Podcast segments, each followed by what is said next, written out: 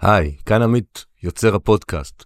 רגע לפני שנעבור לפרק החדש, יש לי שאלה. את המדריך החינמי שכתבתי בנושא הגדלת הכנסות אתם כבר מכירים? אני נותן בו שלוש גישות שונות ומעשיות לכל אחת וכל אחת איך להגדיל הכנסות. מוזמנים להוריד אותו באתר 2invest.co.il.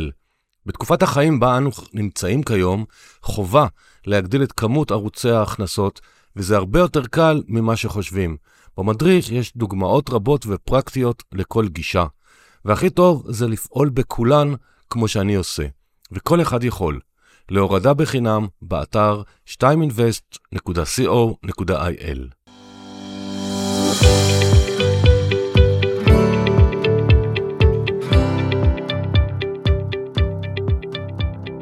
שלום לכולם, כאן עמית אשת, יחד עם עורך דין דן טפרברג, ואנחנו בפודקאסט כסף והשקעות. תודה שבחרתם להאזין לנו היום, והפעם נדבר על התחום המשפטי ברכישת אה, נדל"ן בישראל. פתאום שמתי לב שעוד אין לי שום פרק על זה, ולמעלה מ-130 פרקים, אין, זה ממש אה, מחדל חמור, שכבר היום אנחנו מצמצמים את המחדל. אז שלום דן. שלום רב. דן הוא עורך דין מתמחה בנדל"ן עם ותק של עשרות שנים, בערך בגילי, והמאזינים הוותיקים יודעים בערך בין כמה אני. הוא גר בירושלים אה, ומגדיר את עצמו כפדנט. אנחנו נסרוק את אה, תחום הנדל"ן, כמובן לא את כולו. כרגיל, חלק מהשאלות אני הגיתי ממוחי וניסיוני. חלק מגיע מחברי קהילת כסף והשקעות בפייסבוק, וחלק כמובן מחברי המועדון כסף והשקעות. ואני מקווה שיהיה לכם מעניין. ושתקבלו הרבה ערך ואני רוצה שנתחיל בשאלה ראשונה שתמיד מתבקשת מבחינתי איך אה, הגעת לתחום עריכת הדין ולמה התמחות בנדל"ן? אוקיי okay, אז זה באמת סיפור אה, נראה לי די אופייני להרבה מעורכי הדין אה, שאני מכיר לא להרבה אבל לחלק גדול מהם אבא שלי היה עורך דין. שעסק בנדל"ן ולמעשה אני גדלתי לעניין הזה. אני חייב לומר שבתור אה, נער וגם אחרי זה כבחור, ידעתי מה אני לא רוצה לעשות וזה לא להיות עורך דין. באמת אחרי הצבא שבחרתי לאיזה כיוון ללכת, התחלתי ללמוד אה, ראיית חשבון. ואחרי שבועיים, שלושה הבנתי שזה ממש לא זה, סיימתי את השנה הראשונה והופה עברתי ללמוד משפטים והנה אנו. אז אתה אומר שיש דברים עוד יותר לא רצויים מעריכת דין מבחינתך האישית, זה ראיית חשבון. כן, ועוד דבר שכנראה באמת זה גנטי, כי יש לי בת שיר שהיא עורכת דין גם היא, אה, בתל אביב אמנם, ובאחד המשרדים הגדולים. ואז כנראה שיש משהו בגנטיקה. ב-DNA. אז אני רוצה עוד שאלת מקרו, אני קורא לזה סיסמאות, אבל זה לא סיסמה, שרצות בכל מיני פורומים פיננסיים, זה שחייבים עורך דין בעסקת נדל"ן, ואל תלכו לבד, ואל תחתמו, ואל זה.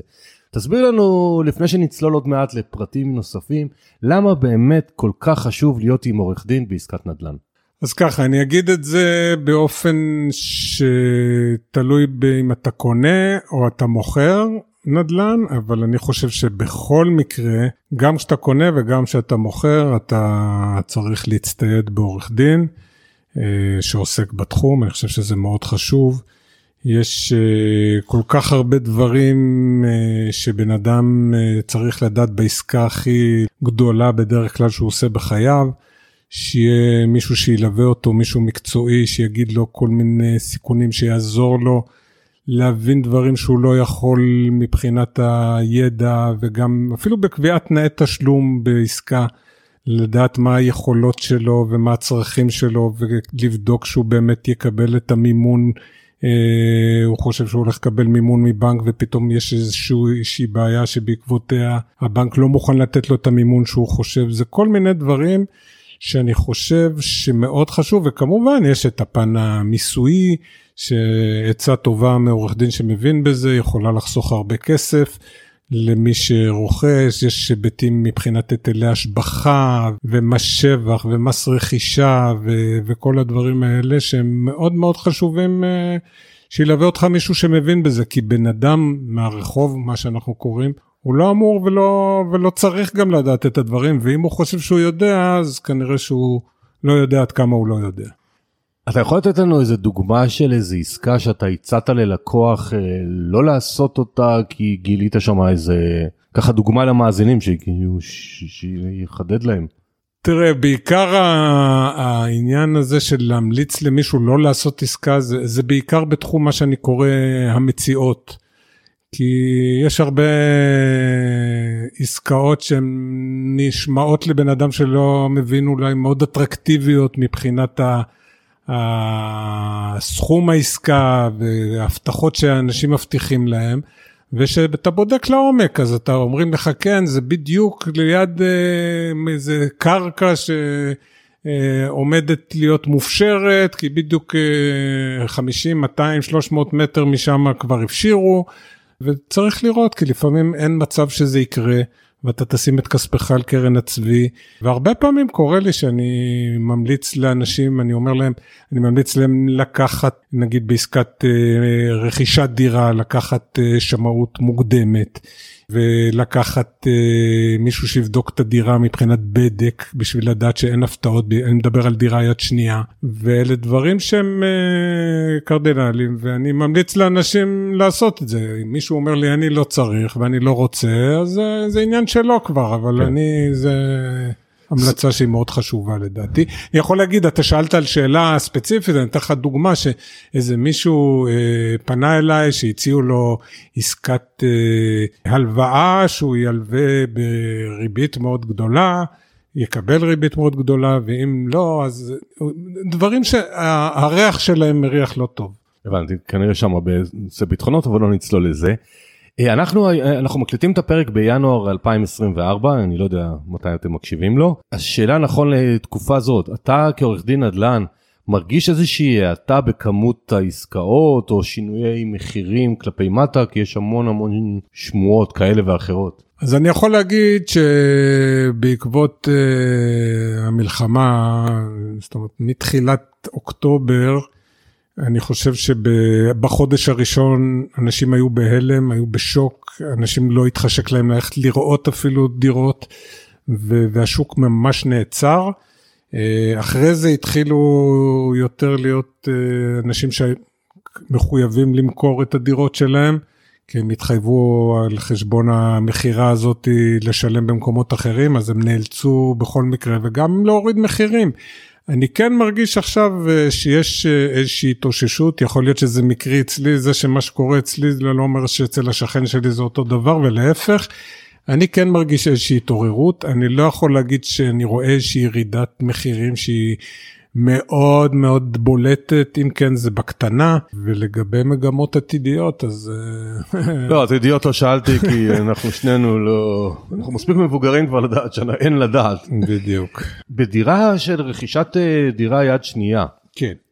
לפעמים יש אה, המוכר או המתווך מציע הצעה שבוא ננסה עם אותו עורך דין את הקנייה מכירה, זאת אומרת, לחסוך עלויות. מה אתה מה יש לך להגיד למאזינים כדאי לא כדאי מתי כן מתי לא מה אין לי מושג. אני יכול להגיד מהניסיון שלי ב-33 שנים האחרונות זה להתרחק מהעניין משני העניינים כאן בשאלה ששאלת א' אני לא הייתי לוקח עורך דין שהמתווך המליץ עליו כי זה בדרך כלל מצביע על קשר אה, בין המתווך לעורך הדין, ועורך הדין הרבה פעמים מרגיש מחויב כלפי המתווך, ואז זה בא לידי ביטוי, לדעתי, בחיסרון ב, בייצוג של uh, הלקוח, כי הוא חשוב לו, כמו, למתווך חשוב שתהיה עסקה, ולעורך דין זה לא אמור להיות הדבר הכי חשוב, אלא לעורך דין צריך שהעסקה תהיה נכונה, ולפעמים יש ניגוד עניינים בעניין הזה, ואני חושב שכדאי להתרחק מזה, לבחור עורך דין על ידי היכרות, המלצות מחברים ש, שעשו, ולא לא, לא עורך דין שהומלץ על ידי מתווך. לגבי השאלה השנייה, אני חושב שזה לא נכון אה, לקחת אה, עורך דין אחד שייצג את שני הצדדים. אני חושב שעורך דין לא יכול להתפצל לשניים. הוא צריך להיות שחובת הנאמנות שלו היא כלפי הצד שלו ב-100% והוא לא יכול לייצג שני צדדים ב-100% מבחינת חובת הנאמנות. אני לא, לא רואה איך זה יכול להתבצע. אני יכול להגיד שהרבה פעמים פונים אליי אה, צדדים ומבקשים שאני אייצג את שני הצדדים. אני תמיד אומר שאני נגד זה ואני חושב שזה לא נכון למרות שאני אמור להרוויח יותר והם אמורים לשלם פחות. אם הם בכל זאת מתעקשים מכל מיני סיבות אני מחתים אותם שאני ממליץ להם שזה לא נכון לעשות ואני משתדל גם לא לעשות את זה גם אם הם רוצים אבל אני לא יכול להגיד שלא קרה לי דברים כאלה אני לא אוהב את זה אני חושב שזה לא נכון. אבל על פניו ככה עולה לי שאלה באסוציאציה המוכר הסיכונים הקונה יש לו סיכונים מאוד גדולים כי אולי הדירה לא רשומה ויש עליה חובות וצרות שלומות שעוד מעט תיכנס אליהם כן. אבל המוכר על פניו אם הוא מקבל את הכסף שלו יש לו עוד סיכונים. דבר ראשון צריך ל... בכל עסקת מקרקעין יש השלכות של מיסוי מוכר מקרקעין בעיקרון אמור לשלם מס שבח אלא אם כן הוא, יש פטורים ואם הוא זכאי לפטורים האלה. עכשיו גם הזכאות לפטורים, בן אדם לפעמים חושב שהוא זכאי והוא לא מבין שהוא לא זכאי, או שיש לו איזושהי דירה נוספת שהוא שכח שהוא אה, קיבל אותה במתנה לפני זה, או חלקים כאלה או אחרים, ופתאום הוא, הוא מגיע חיוב במס שבח, שזה יכול להיות חיוב אה, מאוד גדול ומשמעותי. ו... ולכן כדאי, זה, זה למעשה סיכון שלו. כמובן ש, שגם צריך לוודא שלקונה יש את האמצעים לשלם, זה נורא נחמד שאתה עושה עסקת מקרקעין ואתה מקבל את התשלום הראשון, אבל פתאום אתה, הקונה שלך נתקע ואתה לא יכול להתקדם. אז זה כן חשוב ש, שמישהו יסתכל ויראה וינסה להבין ברור שאין כאן 100% לשום דבר, אבל זה, זה, זה, אני חושב שזה מביא את העסקה ליותר ודאות, יש גם עניין של היטל השבחה, שצריך לבדוק ש, שאין איזה תוכנית שפתאום העירייה באזור, הרשות המקומית העבירה ו, ויש חיוב בהיטל השבחה אה, שאולי הקונה, אה, המוכר לא, לא מודע לו, ואז כשמגיע, היטל השבחה משלמים כשיש מימוש זכויות, מימוש זכויות זה אומר או מכירה, או אה, הוצאת היתר בנייה, ופתאום הוא בא ומוכר, מבקש אישור אה, העברה לטאבו מהעירייה, ואז אומרים לאדוני, יש לך כאן היטל השבחה. לכן אה, אחת הבדיקות המקדמיות שאני נוהג לעשות, לפני שחותמים על עסקה, אני פונה לרשות המקומית ובודק אם יש היטל השבחה. או אין היטל השבחה, ואם יש, אז לנסות להעריך כמה. הם לא אומרים כמה, אבל אתה יכול להיעזר בשמאי, שהוא יגיד לך פחות או יותר, שתדע את גבולות הגזרה. אז בוא נתעכב רגע על הנקודה הזאת, כי בדיוק איזה, לא מזמן שמעתי מקרה שאדם הצליח להוריד מ-200 אלף שקל דרישה להיטל השבחה ל-70, mm-hmm. אז תספר קצת למאזינים לפחות יודעים איך, אה, אה, מה עושים, אתה מקבל היטל השבחה והוא נראה לך מוגזם, לך זה המאזין או לך כעורך דין. מה, מה, א', מה, הוא מה תמיד, השיטה? אז אני אגיד, הוא תמיד יהיה מוגזם כי, כי למעשה מה שקורה זה שה... עירייה ברגע שהיא אומרת שיש היטל השבחה ואתה מבקש באמת לדעת כמה, במקרה שאתה מממש את הזכויות, אז הם מעבירים את זה לשמאי מטעמם. שמאי מטעמם, כנראה שההוראה הבסיסית שלו זה למצות את ההיטל נקרא לזה כמה שיותר.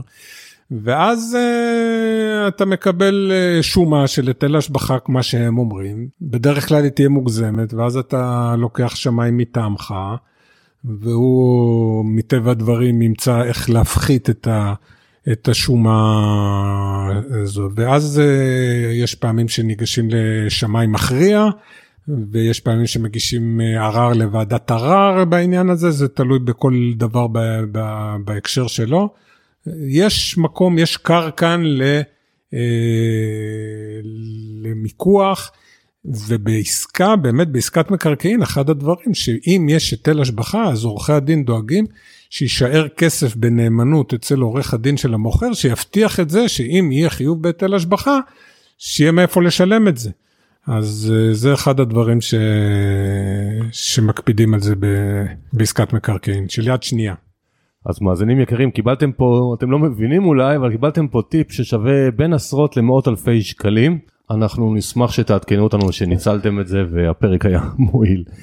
אה, נעבור רגע מיד שנייה לרכישת דירה מקבלן. כן. אתה הולך, בא, יושב במשרדים המהודרים אה, ומקבל קפה טוב וכולי, באים ונותנים לך תחתום עם חוזה משפטי ארוך ומייגע. השאלה, האם עורך דין פרטי מטעמי יכול בכלל לעזור, יש מה לעשות מול החברות הקבלניות, איך זה עובד מאחורי הקלעים? אז זו שאלה טובה, אני חושב שבעיקרון אה, כן. אה, אני אסביר גם, אני אפרט קצת אה, במה כן ובמה לא, ובעיקרון הרי באמת החוזים האלה הם חוזים ארוכים ומייגעים. שקשה לי להאמין שאדם פרטי יכול לקרוא ובטח לא להבין את כל מה שכתוב בהם. ואני כן חושב שבן אדם שקונה דירה אה, ומתחייב וחותם על משהו כדאי שידע מה, מה כלול בהתחייבות שלו כולל גם מה הקבלן מתחייב כלפיו ומה הוא לא מתחייב כלפיו. כי ביום הדין אז יפתחו את החוזה הזה, והחוזה הזה הוא זה שמה שיכריע במחלוקות שיהיו בין הצדדים. ולכן, אני נוהג שאני פונים אליי אה, לקוחות שרוצים לרכוש דירה מקבלן, אני ממליץ להם דבר ראשון גם אה, לקחת אה, אדריכל מטעמם שיבדוק את המפרט הטכני. המפרט הטכני הוא מסמך מאוד חשוב בחוזה מקבלן שהוא למעשה אומר מה איזה פריטים ופרטים יהיו בדירה כמה נקודות חשמל תהיינה, מה איכות המטבח, כל מיני דברים שהם מאוד מאוד משמעותיים, שאני כעורך דין לא מתיימר. אה, אני מבין בזה באיזושהי צורה, אבל בטח לא מתיימר להיות המומחה שיגיד אם זה מספיק או לא מספיק, ואני ממליץ לאנשים אה, לזכור שירותם של איש מקצוע בעניין הזה, וגם שיסתכל על תוכניות המכר, יש תוכניות לראות, לראות ולהבין. כל מיני עניינים אה, אה, שיכולים להיות מאוד חשובים. לגבי התפקיד שלי כעורך דין, אז אני באמת מעיר הערות על הטיוטה של ההסכם. עכשיו, אני חייב לומר כאן שהצורת הערת ההערות היא תמיד אותה צורה, אבל קבלת ההערות על ידי העורך דין של הקבלן היא הרבה פעמים תלויה במצב של הביקוש לעומת ההיצע. אם הקבלן לחוץ למכור, אז הוא יהיה יותר גמיש בקבלת הערות ו- ולקבל את ההערות של עורך הדין ולהיות יותר גמיש וללכת לקראת. אם המצב שלו שהפרויקט הזה נמכר ועומדים בתור, אז, אז הוא יגיד, אדוני, זה מה יש, רוצה רוצה, לא רוצה, אני מוכר את זה ל- ללקוח הבא. אז זה, זה, זה דבר שהוא משתנה. אז סוג הערות, אני שואל, יכול להיות מהסוג, אה, האם הצמדה למדד תשומות הבנייה, עלות שינוי מטבח, אה, כמה אני מקבל החזר אם אני רוצה דברים אחרים. זאת אומרת, זה סוג הערות שאתה נותן ללקוח שבא לחוזה מקבלן? א', בדרך כלל העניין ההצמדה עוד, נסגר בהרשמה, בדרך כלל מה שעושים אה, אה, קבלנים, אז יושב, כמו שאתה אומר, במשרד המהודר, עם הכוס קפה האספרסו, ולמעשה, בניגוד למה שאמרת, לא אומרים לו תחתום, אבל אומרים לו, הנה טופס הרשמה. אתה עכשיו תירשם, תשאיר לנו סתם לצורך העניין 20 אלף שקל צ'ק להוכחת אה, רצינותך, ותוך שבועיים אתה אמור אה, אה, לחתום. כשאת התנאים המסחריים כבר קובעים מבחינת המחיר. וגם את, ה, את ההצמדה, בעיקרון הצמדה למדד תשומות הבנייה, זה מה שנעשה בחוזים של קבלנים. אה, בעניין הזה, אני לא יודע אם אה, אתה יודע, שהרבה אנשים לא יודעים את זה, שבאמת אחד הרכיבים של אה, מדד תשומות הבנייה, זאת אומרת, הרבה אנשים הלינו על זה, למה אני צריך לשלם על הקרקע גם את ההצמדה של מדד תשומות הבנייה? כי למעשה רק על הבנייה אני אמור לשלם מדד תשומות הבנייה, לא על רכיב הקרקע. ובאמת ביולי 22 תוקן חוק המכר דירות, אה, אם אני לא טועה זה תיקון מספר 9, וקבע שקבלן יכול להצמיד, בפועל זה יוצא יכול להצמיד אה, עד אה, אה, 40 אחוז ממחיר הדירה למדד תשומות הבנייה, זאת אומרת 60 אחוז זה, לא יוצמד למדד תשומות הבנייה. אה, זה שינוי שהתאחדות הקבלנים עמדה על הרגליים האחוריות ומאוד לא אהבה את זה. אבל uh, זה נכנס וזה בתוקף. מי שקנה, מי שקנה דרך אגב לפני המועד הזה וחתם, אז אין, אה, רטרואקטיבית הוא לא ייהנה מהתיקון בחוק. טוב, זו בשורה טובה. אולי בגלל זה כיום הם כל כך הרבה מציעים פטור, כי אף אחד לא יודע אולי על התיקון בחוק, ואז זה נראה שהם נורא נחמדים אלינו, שבעצם זה כבר נכון אני אני באמת רואה לאחרונה שבאים אליי לקוחות עם חוזים מקבלן שבמשרדי המכירות אומרים להם פטור בכלל מהצמדה. לא זה פטור בכלל זה בגלל הלחץ למכירה אבל אם זה רק עד 40 הם יכולים אחוז יכולים אז, אז הפטור הוא רק 40 אחוז הוא לא 100. נכון. נכון. זה משמח לשמוע. אז והזכרת ככה כדרך אגב בתיקון לחוק המכר. כן. אז בוא תספר למאזין ולמאזינים מה זה חוק המכר בעצם. חוק המכר זה למעשה אה, קוראים לזה חוק המכר דירות שהוא אם אני לא טועה מתשל"ג 1973 לא חפציבה זה סיפור אחר אבל החוק למעשה הוא בא ומתייחס לכל מיני דברים והוא מתווה למעשה את הדרך. מבחינת אה, אה, מה צריך להיות בדירה, גם את העניין הזה של מפרט טכני ומה הוא אמור לכלול מפרט טכני, וגם לגבי אה, אחריות של קבלן. אה, אחרי מסירת הדירות יש אה, סעיפים שמתייחסים לזה גם תלוי אם זה לרטיבויות זה ככה וכל מיני רכיבים בעניין הזה וגם קובע את האבני דרך בתשלומים שד... של... קונה משלם לקבלן בעקבות התקדמות הבנייה. זאת אומרת, קבלן לא יכול להגיד אני רוצה היום 30 אחוז, יש ממש אבני דרך שאומרים בתנאי שסיים שלב זה אז הוא יכול לקבל סכום זה. זאת אומרת אלה הם האבני דרך שקובע, יש חוק המכר לא חל על כל עסקה אלא הוא חל על עסקה באמת במקרה הזה שקבלן מוכר דירה שהיא בבנייה. לפעמים הוא גם חל על אנשים שהם למעשה אה, בונים בנייה עצמית והם לא קבלנים ואחרי זה מוכרים את הדירות שלהם גם אז חוק המכר יחול עליהם אה, שזה מבחינתם זה לא מוצלח כי כי זה דורש מהם לתת אחריות הרבה יותר גדולה מאשר אם הם היו מוכרים את הדירה כדירת יד שנייה ועוד עוד דבר ש, שקובע חוק המכר זה יש חוק המכר הבטחת השקעה של רוכשי דירות שבודק איך אפשר.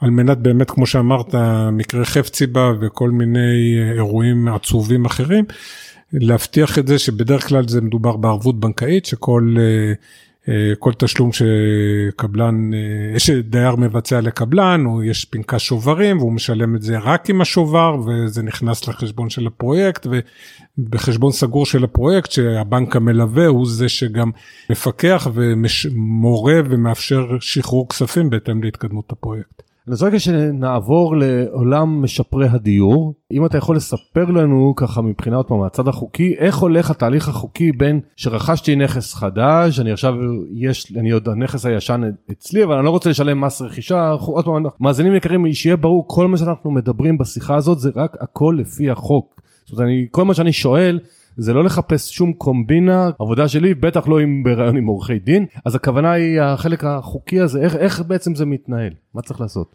בעיקרון אדם שקונה דירה, בהנחה שזו דירתו היחידה, אז יש לו מדרגות אה, מס רכישה אה, מוטבות נקרא לזה, יחסית למי שזה לא דירתו היחידה, זאת אומרת יש למעשה פטור מוחלט עד סכום של בסביבות אה, מיליון 900 אלף שקל, זה מתעדכן כל שנה עם עליית המדד, ממש בימים הקרובים, לדעתי מחר.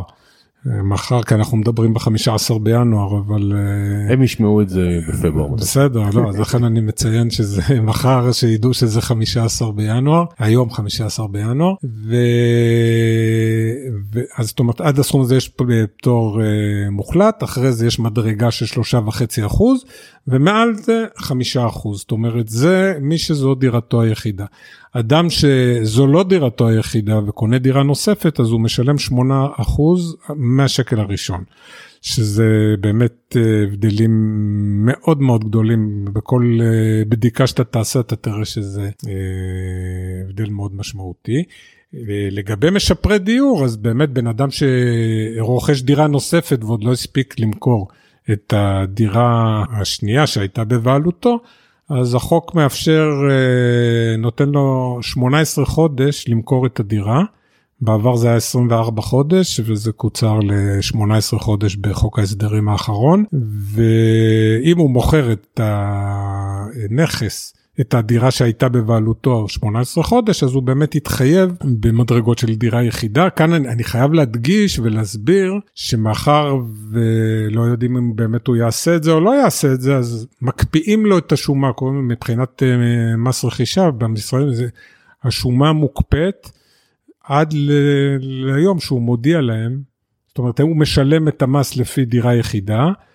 עד ליום שהוא מודיע להם שהוא באמת מכר את הדירה, ואם זה בגבולות ה-18 חודש, אז ההקפאה משתחררת ואז אה, נגמר, נגמרת השומה ו, ו, ו, וכל העניין נמצא. אם הוא חורג מהסכום הזה, אז יחייבו אותו בהפרש עם ריבית והצמדה.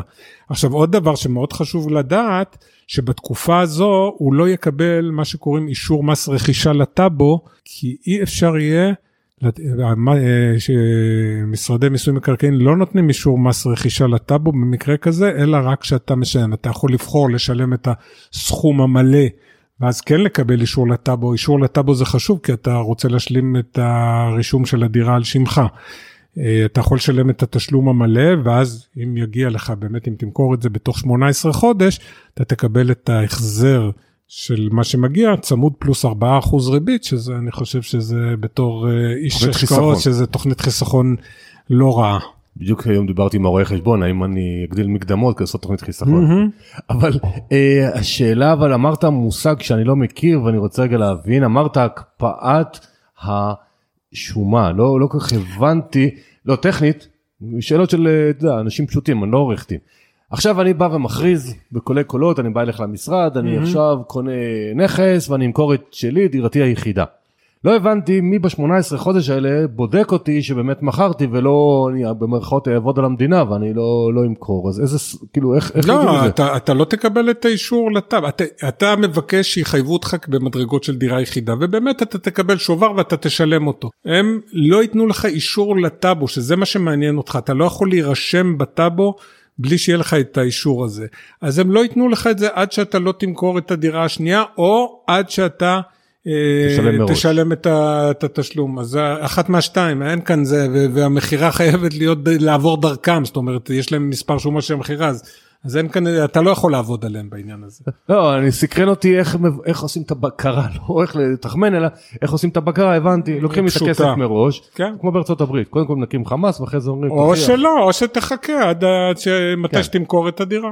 לא, התכוונתי אם אני לא מוכר תוך ה-18 חודש, כאילו בחודש ה-22.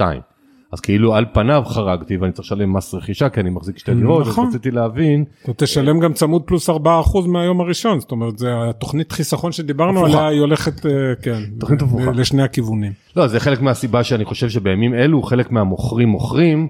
למרות הקפאת המחירים והקושי כי הם נתקעו עם המכירת אה, דירה, כי הם כן. ציפו שזה ימשיך לעלות. לא, הרבה אנשים קנו מראש ואמרו אני אמכור רק בעוד שנה. אני ארוויח עליית מחירים, לא, אני שמעתי כאלה, אנשים אמיתיים, מה שנקרא, ופתאום, פתאום. עוד שאלה שיש עליה המון אי ידע, כן. ואני רוצה לשמוע משפטית, עד איזה חלק בדירה זה לא נחשב דירה יחידה, יש חלק אומרים רבע, רבע, רבע, חלק אומרים שליש, שליש, שליש, כשאין למישהו דירה יחידה, וההמשך של השאלה הזאת, האם אני יכול, אם זה נגיד שליש, כמה שלישים אני יכול לעשות, אה, שזה לא ייחשב דירה יחידה.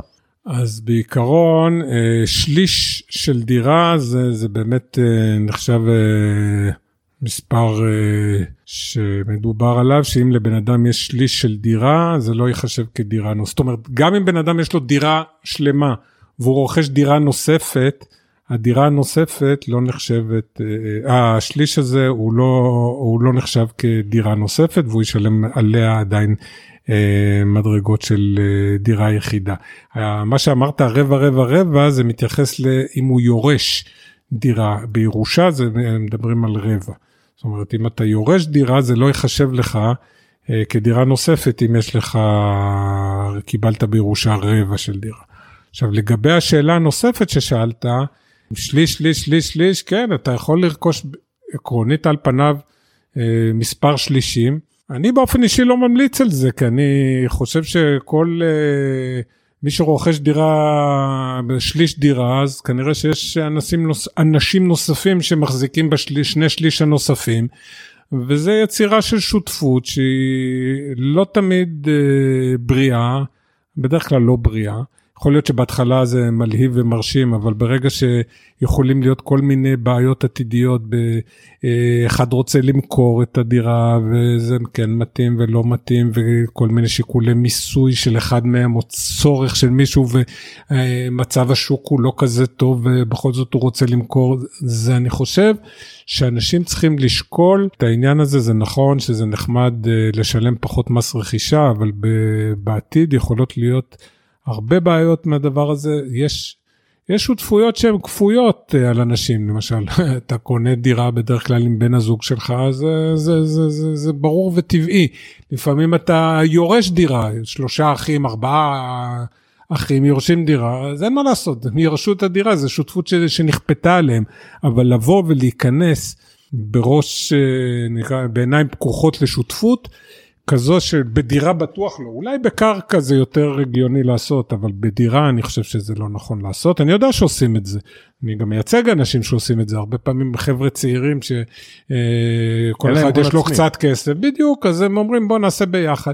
הם גם לא חושבים על כל מיני אפשרויות, אחרי זה פתאום נכנסים בני זוג וכל מיני דברים שלא תמיד שוקלים את הדברים האלה. אני דרך אגב במקרים כאלה אה, מציע לאנשים, ברגע שהם הולכים לדבר כזה, לעשות הסכם שיתוף מראש, כאילו שמגדיר ו- וקובע את כל ה... איך יוצאים, להיכנס זה נחמד, אבל גם איך יוצאים מהשותפות הזו. שאלה הבאה שיש לי, איזה הוצאות מוכרות לצורך הקטנת מס שבח במכירה, וחשוב לשמור על חשבוניות, כי לפני כמה שנים הרי אמרו, אה, אני זוכר את זה, שעד אז עבדו בשחור הכל הקבלנים אמרו לא לא תתחילו לאסוף קבלות כי זה יכול לחסוך לכם את המס שבח כשהחזירו אותו בסביבות 2015 אני יודע 14 16. כן. אז מה, מה, מה החוק, מה, מה באמת עשוי להקטין לנו את תשלום מס השבח אז א', אה, בעיקרון, מכירת דירה, כמו כל מכירת אה, מקרקעין אחרים, היא חייבת במס שבח. יש באמת אה, מספר פטורים בחוק מס שבח, זה סעיף 49 ב' 2, זה פטור של דירה יחידה, שבן אדם שיש לו דירה יחידה והוא מוכר אותה, אז לא משנה כמה הוא הרוויח ולא משנה, בהנחה שזה לא עולה על הסך של היום, גם זה אמור להתעדכן, 4,800, 4 מיליון 800 אלף שקל בערך, זה גם אמור להתעדכן מחר, אז הוא, אז הוא פטור, אבל אנחנו מדברים על בן אדם למשל שזו דירתו השנייה או השלישית, או אני לא יודע מה שהוא מוכר, אז יש אפשרות באמת לנקות כל מיני הוצאות שהוא הוציא, בהתאם, אה, יש סעיף 39 לחוק מיסוי מקרקעין, שהוא למעשה מפרט אה, את כל מה שאפשר לנקות כהוצאה. וזה כולל באמת כל מיני דברים של כל מיני פעולות להשבחת הדירה, שיפוצים שעשית בין הזמן שקנית לזמן שמכרת, זה מאוד חשוב, ההגדרה של הסעיף מדבר על התקופה שבין הרכישה למכירה. כמובן שאתה צריך להציג uh, חשבוניות, עכשיו בנוסף לזה גם מוכר בניכוי uh, שכר טרחת עורך דין ברכישה ובמכירה, אז כדאי באמת לשמור על החשבוניות האלה, ואותו דבר לגבי דמי תיווך ברכישה ובמכירה. תשלומים של היטל השבחה הם uh, נעשו, לא תשלומים כמו ארנונה ודברים כאלה, זה לא נחשב, זה לא קשור ולא נחשב. אה, לא ועד בית ולא דברים מהסוג הזה, אבל אה, כן, הוצאות אה, נכבדות שיש, זה שווה, זה שווה כסף, כדאי לשמור על זה. מאוד כדאי, אנחנו בעד לחסוך. בעולם העריכת דין של נדל"ן יש מילה כזאת שנקראת מושה. כן. אין לי מושג, למרות שקראתי ושמעתי על זה, אבל אני אשמח להסבר מה זה בעצם מושה. יתרונות, חסרונות כרוכשים, מה, מה, מה, מה זה הדבר הזה? אוקיי, okay, אז א', מקור השם מושה, זה לפי מה שהבנתי זה מטורקית. יש כל מיני אה, מונחים במקרקעין שנזכרים כנראה מתקופת השלטון העות'מאני בארץ ישראל. דברים שאיכשהו יש את המילה קושאן, אני לא יודע אם שמעת שזה למעשה נסח רישום שהיום, אה, ולגבי מושה אה, ספציפית זה, זה למעשה בא ואומר נכס שהוא בבעלות משותפת, שיש לו מספר אה, בעלים, בדרך כלל זה יותר בא לידי ביטוי בקרקע. שיש שם כמה בעלים, אבל זה גם בדירה יכול להיות, אותם שותפים שסיפרת עליהם שהם הולכים לקנות דירה, אז הם למעשה בעלים במושה. כל אחד יש שליש.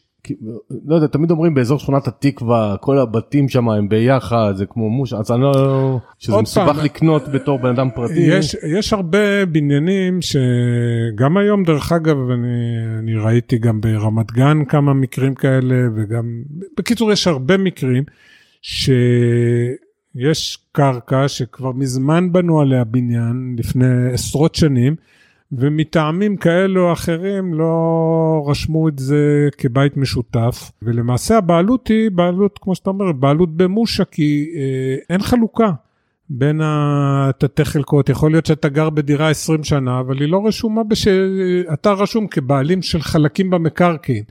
עכשיו זה, זה, זה, זה תחום אחר זה נישה אחר בעניין הזה אבל זה בעיה לקונה בעיקר לקונה של דירה שהוא הולך לקנות דירה כזאתי. דירה ש, שבאמת לא רשומה, רשומה במושה, אם אין הסכם שיתוף בין כל הבעלים של המקרקעין האלה, הבנקים אה, למשכנתאות לא נותנים משכנתות על דבר כזה וזה אנשים זה אחד הדברים שאמרנו חייבים לבדוק את זה היטב ולעשות באמת כמו שאמרתי שמאות מוקדמת לוודא שבאמת הם יקבלו הלוואה הם חושבים שכן ופתאום הם יגיעו לבנק ואף בנק לא ייתן להם הלוואה והם לא יוכלו להשלים את רכישת הדירה. אז כן, אז כדאי שידעו מה הם עושים. מה זה עורך דין נאמן? עורך דין נאמן, אני, אני מניח שאתה מתכוון, למעשה בכל עסקת מקרקעין משאירים כספים בנאמנות. אם אין את כל המסמכים בשלב אה, מה שקוראים ה closing, אה, ואז עורך הדין בדרך כלל של המוכר הוא, הוא הנאמן, מפקידים אצלו את הכספים או בחשבון נאמנות נפרד או בחשבון נאמנות כללי שלו. אה, עבור המוכר שלו, עבור הלקוח שלו, כשהוא אמור להעביר לו את הכספים האלה ברגע שיתקיימו התנאים, שהוא יביא, ימציא את האישורים. אני מניח שלזה אתה מתכוון. יש נאמן בפשיטת רגל וכל מיני דברים, לא, לא נראה לי שלזה אתה חותר. לא. אה, עולה לי שאלה כזאת, סקרנות פתאום צצה לי, לדעתך מקצועית. אם אדם רוכש אה, נכס בירושלים, כן, אנחנו עכשיו בירושלים, חשוב שהעורך דין יהיה מירושלים או גם עורך דין מכפר סבא למשל, סתם, אה, זאת אומרת, ו- ולהפך, זאת אומרת, האם יש משמעות למיקום הנכס ולמגורי העורך דין? אז אני אגיד, אני, אני עושה עסקאות במשך השנים בכל הארץ, בעיקר בירושלים. אני כן חושב שיש איזושהי, איזשהו ערך מוסף לעורך דין מקומי, כי, כי יש, בכל מקום יש לו את הניואנסים שלו, ש, שאם מישהו לא מכיר אותם, אז זה לא סוף העולם, כי הוא יכיר אותם, אבל אני, ההרגשה שלי, ב, ב, בוא נגיד שאם יש לך עורך דין, יש לך עסקה, ואין לך איזה עורך דין שאתה נורא סומך עליו, שהוא גם אם הוא גר בירושלים ואתה עושה עסקה באילת, אז חשוב לך שזה הוא יהיה, אז הייתי בוחר אה, עורך דין מקומי. אז לא דיברנו, היינו כל הזמן רכשנו דירות פה על ימין ועל שמאל, עוד לא דיברנו על הסוחרים.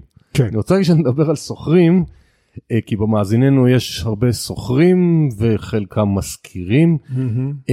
איזה סעיפים חשוב לשים לב בחוזה להשכרה? ושאלה שנייה, כי כבר הבנת כל שאלה, אתה עורך דין, אפשר לתת לכם הרבה שאלות ביחד. האם בישראל יש דרך חוקית לפנות יחסית מהר סוחר שלא משלם? אוקיי, okay, אז אני אגיד, אני, אני מייצג הרבה בעלי בתים ומטפל גם ללקוחות אה, מחו"ל בנכסים שיש להם כאן ומשכיר עבורם את, ה, את הדירות. עכשיו, אני, אני חושב שצריך אה, להסתכל על עסקת השכרה כאיזשהו משהו ש... נקרא לזה, אין איזון בין מה שאתה כמשכיר נותן לבין מה שהסוחר נותן. כי למעשה בפועל אתה נותן את הדירה, את הנכס היקר הזה, אתה נותן את זה לחזקתו של אדם, והוא משלם לך דמי שכירות, שזה בכלל לא קשור לשווי של, ה, של הנכס. ואתה לכן, לכן גם ההסכמי שכירות הם, הם לא אמורים לדעתי, והם גם לא מאוזנים. מבחינת ה... אני חושב שהסכם שכירות צריך להיות מאוד מאוד לכיוון להגן על, ה, על המשכיר כמה שיותר. כמובן שצריכים גם הגנות אה, כאלה ואחרות על הסוחר, אבל המשכיר חייב לדעת שהוא מוגן גם להבטיח את תשלום דמי השכירות, גם אה, להבטיח את זה שהסוחר יפנה את הדירה בסוף תקופת השכירות, גם למצב ש, שאם יש אה, כל מיני ליקויים שנגרמו על ידי ה... הסוחר, ולכן חשוב מאוד מאוד מאוד להקפיד על ביטחונות, אם אפשר לקחת ערבות בנקאית או פיקדון, היום החוק מתיר לא יותר משלושה חודשי שכירות.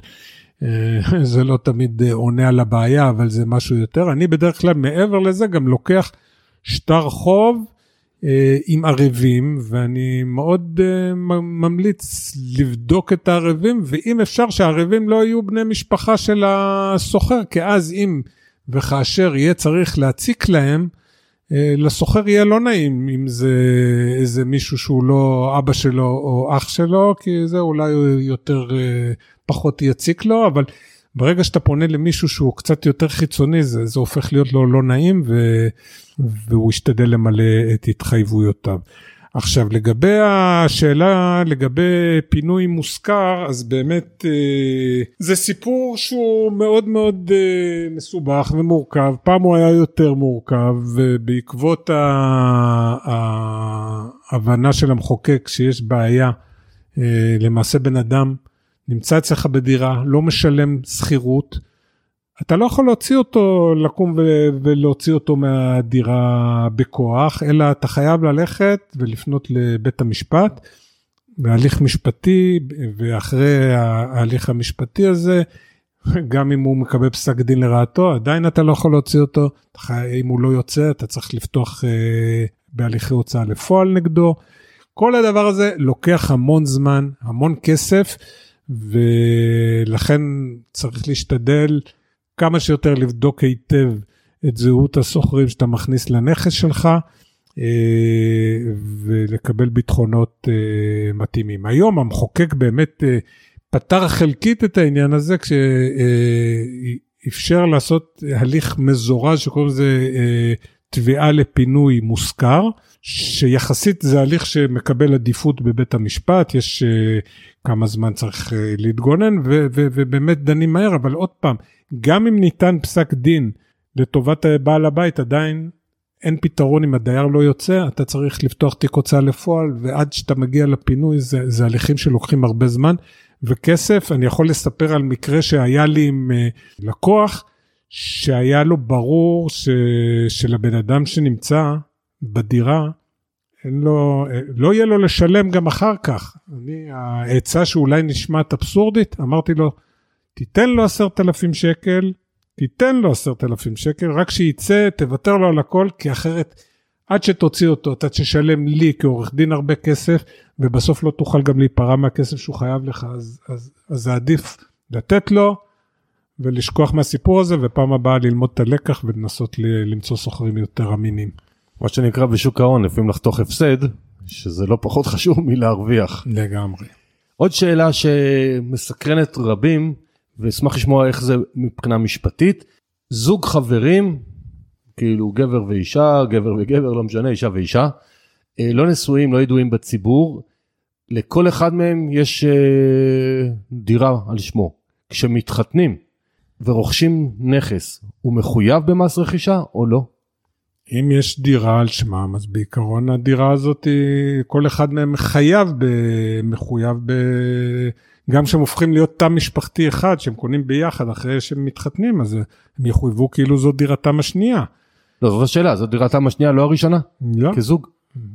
זה שזה כזוג, יש מקרים אחרים ש, שבן אדם, אחד מבני הזוג מביא איתו דירה לנישואים, זאת אומרת מלפני, אז הרבה פעמים אם אתה מוכיח שיש הפרדה ממונית, שיש הסכם ממון בין ה...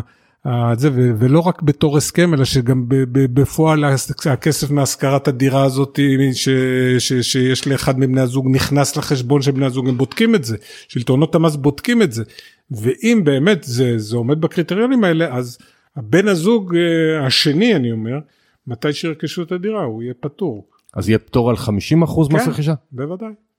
בוודאי לך. לא, בוודאי. לי ולחלק מהמאזינים לפחות זה פעם ראשונה ולכן אנחנו שואל, כן. אני שואל. כן. אמ, עוד שאלה שעולה היום המון, יש היום אה, בתקופת חיים שאנחנו חיים בה הרבה מאוד עסקאות pre-sale. שאנשים אה, אומרים, אה, קבלנים תשלמו 20-80, 20 אחוז עכשיו, 80 אחוז בסוף, 10-90, לא משנה.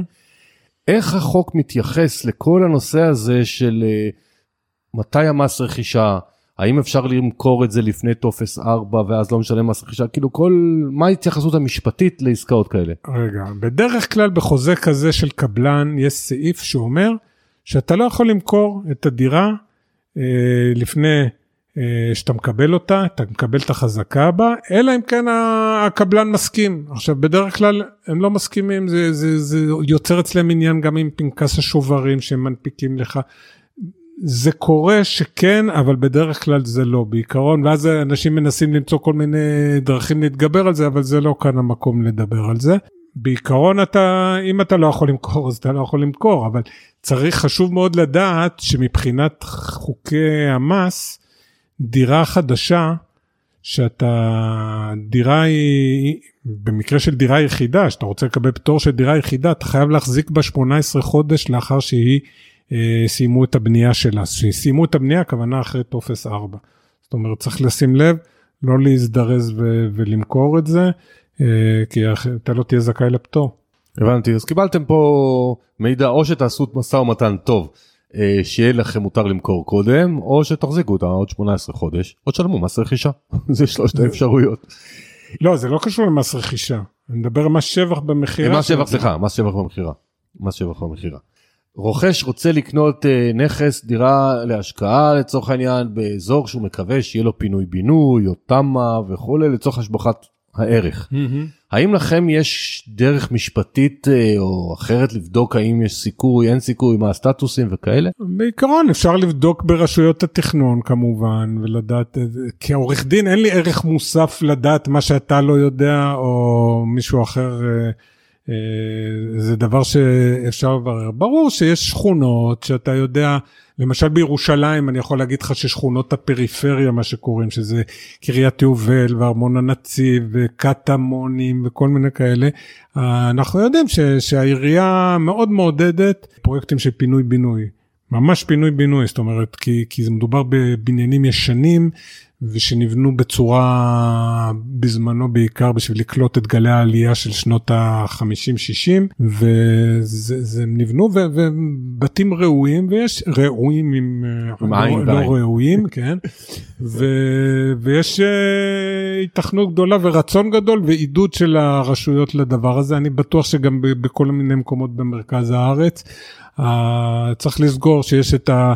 כשאנחנו מדברים על התחדשות עירונית, אז יש מה שקוראים תמ"א 38-1, שזה בני, קוראים לזה תמ"א חיזוק, שזה בנייה על הקיים. אה, יש תמ"א 38-2, שזה הריסה ובנייה. ויש פינוי-בינוי, שפינוי-בינוי זה, זה, זה שחקן אחר, זה גם בנפח בנייה אחר, המינימום זה שיהיה 24 יחידות שנכנסות לפרויקט, אז uh, המכפילים הם שונים. עוד נושא שעוד לא דיברנו עליו זה כל נושא הסכמי חכירה. אז קודם כל התבקשתי לשאול על דמות כנסייה, מה קורה איתם, אבל זה נראה לי נישה שאם יש לך ידע, אם תרצה תרחיב, אבל אני רוצה להרחיב את זה קצת יותר. מה קורה בסוף תקופת חכירה? אני פעם גרתי באיזה משהו שהיה חכור ל-49 שנה ותמיד סקרן אותי לדעת מה יקרה אחרי 49 שנה, מה יפנו אותי? אז בינתיים אה, אה, איפה שאני גר עד היום, מתישהו זה הפך להיות אדמות טאבו ושילמנו קצת וזה, אבל כעקרון כל עולם החכירה, מה זה? לא, א', חכירה זה, זה, המילה חכירה זה שווה השכרה, אוקיי? חוכר הוא סוחר, זו אותה מילה, ול-49 שנה, אז הוא סוחר ל-49 שנה, לכאורה בסוף ה-49 שנה, הוא אמור להחזיר את המקום וללכת הביתה.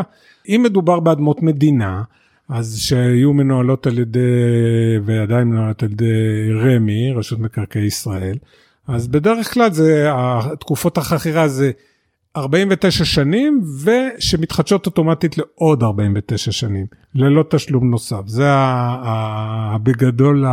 היום בגלל שרמי זה לא היום זה כבר תהליך של הרבה שנים הם אין להם כוח ורצון ומשאבים להתעסק עם החידושי חכירות וזה אז הם פשוט העבירו לבעלות של החוכרים את המקרקעין ביוזמתם זה אפילו לא פעולה שאתה היית צריך לעשות פתאום אתה קם בבוקר ורואה בנסח הרישום שבמקום שאתה חוכר אתה הפכת להיות בעלים של הדירה רק יש הערה על uh, איסור העברה לזרים עדיין uh, מהמדינה בודקת את זה רשות מקרקעי ישראל שאתה שחס ושלום שהקרקעות האלה לא uh, יעברו לידיים אה, שלא רצויות ו- ולכן כל מישהו בעל דרכון ולא בעל תעודת זהות יש תהליך ש, שאתה צריך לעבור אה, אם אתה קונה, ל, אה, זאת אומרת אם אתה מוכר לאדם כזה שהוא בעל דרכון, דרך רשות מקרקעי ישראל. אדמות, החכ... אדמות הכנסייה זה באמת נושא שונה שאני, הייתה לי הזכות ויש לי עדיין הזכות לטפל בה בירושלים. יש כמה כנסיות, כל כנסייה זה שונה, אבל יש תקופות חכירה.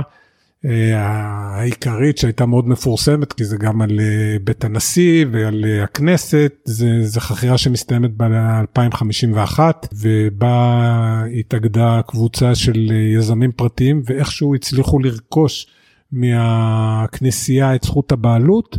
ולמעשה הם הפכו להיות הבעלים של הנכסים האלה והמשחק השתנה מאוד. אה, זה באמת אולי נושא לפודקאסט. טוב, אנחנו, אנחנו לא חוקים בית הנשיא, אז כן, גם אז... כן, פודקאסט נפרד, אבל יש, יש תקופות חכירה שמסתיימות, אני, יש לי מה שקוראים בירושלים גן רחביה וראש רחביה, שבהתאמה זה מסתיים ב-2035 וב-2036, שזה כבר מעבר לפינה, ואני יכול להגיד שהחוכרים של הנכסים האלה, אם הם היום רוצים למכור את הדירות שלהם, המחיר נחתך כמעט בחצי, כי אף, מי יקנה דבר ש, שמבחינה יודעים שעוד 11-12 אה, שנה הולך אה, לחזור ל, לבעלים שלו. אנחנו ממש מתקרבים לסיום, אז רציתי לשאול אותך, אה, אחרי כל השאלות ששאלתי, מה כעורך דין מתמחה בנדל"ן? לא שאלתי, וחשוב לדעתך שמאזיננו ידעו. האמת היא שלא נראה לי שהשארת אבן על אבן, אה, אני חושב שדנו, עברנו על אה, הרבה דברים. כמובן זה עולם שלם, אני גם יוצא לי להתעסק הרבה בדירות ונכסים בדמי מפתח, שזה גם נישה בפני עצמה בנדל"ן. שזה בעיקר על אה, בניינים, בירושלים זה במרכזי הערים בעיקר, כל מיני חנויות שהוזכרו בזמנו בדמי מפתח, ואתה תמיד יכול לזהות אותם את החנויות האלה, כי הן לא משופצות לעומת החנויות המפוארות שמסביב. לא ידעתי שיש בישראל עוד אה, דמי מפתח, פשוט סבא וסבתא שלי גרו בכרמל בדמי מפתח ונפטרו כבר לפני איזה 40 שנה, אז, אז, אה, לא אז אני יכול להגיד לך יש. שיש עדיין, זה כמובן הולך ומתמעט. כי הרבה, בדרך כלל לבעל בית שיש לו הזדמנות לפנות דייר אז הוא עושה את זה. זה מבחינה כלכלית הדבר הכי נכון לעשות, אבל יש, וזה עולם מאוד מעניין, זה עולם מעניין, ואני חושב שזה גם, אה, אין הרבה עורכי דין היום שלאט לאט גם עורכי הדין, רוב עורכי הדין לא מכירים את, ה, את התחום הזה. טוב, אז אנחנו בעצם הגענו לסיום, וכמו שאני מבקש מכל אה, מרואיינים, נשמח לקבל איזה שלושה טיפים לחיים ככה שאתה מאמין האני מאמין שלך לא משנה אם דיברנו על זה לא חייב להיות בעולם המקצועי לא דיברנו על זה ככה שיכירו גם את עורך דין דן טפרברג הבן אדם. עוד פעם אני כשאני עובד אני משתדל להיות מאוד uh, כמו שאמרתי חפדן ודייקן אני חושב שבתחום המקרקעין מעל uh, כמו בכל תחום אבל כאן אפילו יותר. הדיוק והפדנטיות עם באמת אה, חובה. אני יכול לתת גם להגיד גם רואים את זה גם בביטוח אחריות מקצועית ביטוח מי שהפרמיה עבור ביטוח אחריות מקצועית של עורך דין שעוסק בנדל"ן היא גבוהה פי שלוש מפרמיה רגילה. אז הדייקנות היא כן וכשאני לא בעבודה אז אני משתדל קצת לשחרר מזה אבל לפעמים זה עדיין דבק. גם בדברים אחרים. אני מאוד אוהב ספורט, אני מאוד מרגיש שמבחינתי אני מאוד משתדל לא להישאב לעבודה יותר מדי באופן כזה שאני יודע גם לחתוך ו- ולעשות את ההפרדות. אני חושב שבעולם שלנו היום זה מאוד קשה. אה, בעיקר עם כל המכשירים, אה, כל האימיילים והוואטסאפים, ושזה הופך להיות כאילו שלקוח מצפה שאתה תהיה זמין עבורו 24/7, וזו אני חושב מאחת המשימות שצריך לדעת אה, לעשות את ההפרדות. לאזן, לאזן בחיים. אז תודה רבה. אני למדתי הרבה, אני מקווה מאזינים שגם אתם למדתם, נהניתם. פרטי הקשר לעורך דין דן טפרברג יהיו בתיאור הפרק כמובן, כמו גם ההרשמה לכניסה למועדון כסף והשקעות מי שמעוניין. אז תודה רבה. תודה רבה, היה כיף, ועבר מהר, מה, אנחנו עשר דקות כאן. אה, המאזינים תכף מסיימים את החדר כושר או הגיעו לעבודה כבר מרגע שיצאו הביתה. אה, מאזינים יקרים תודה רבה שבחרתם להאזין לנו ואנחנו מקווים שקיבלתם ערך ונשתמע בפרק הבא.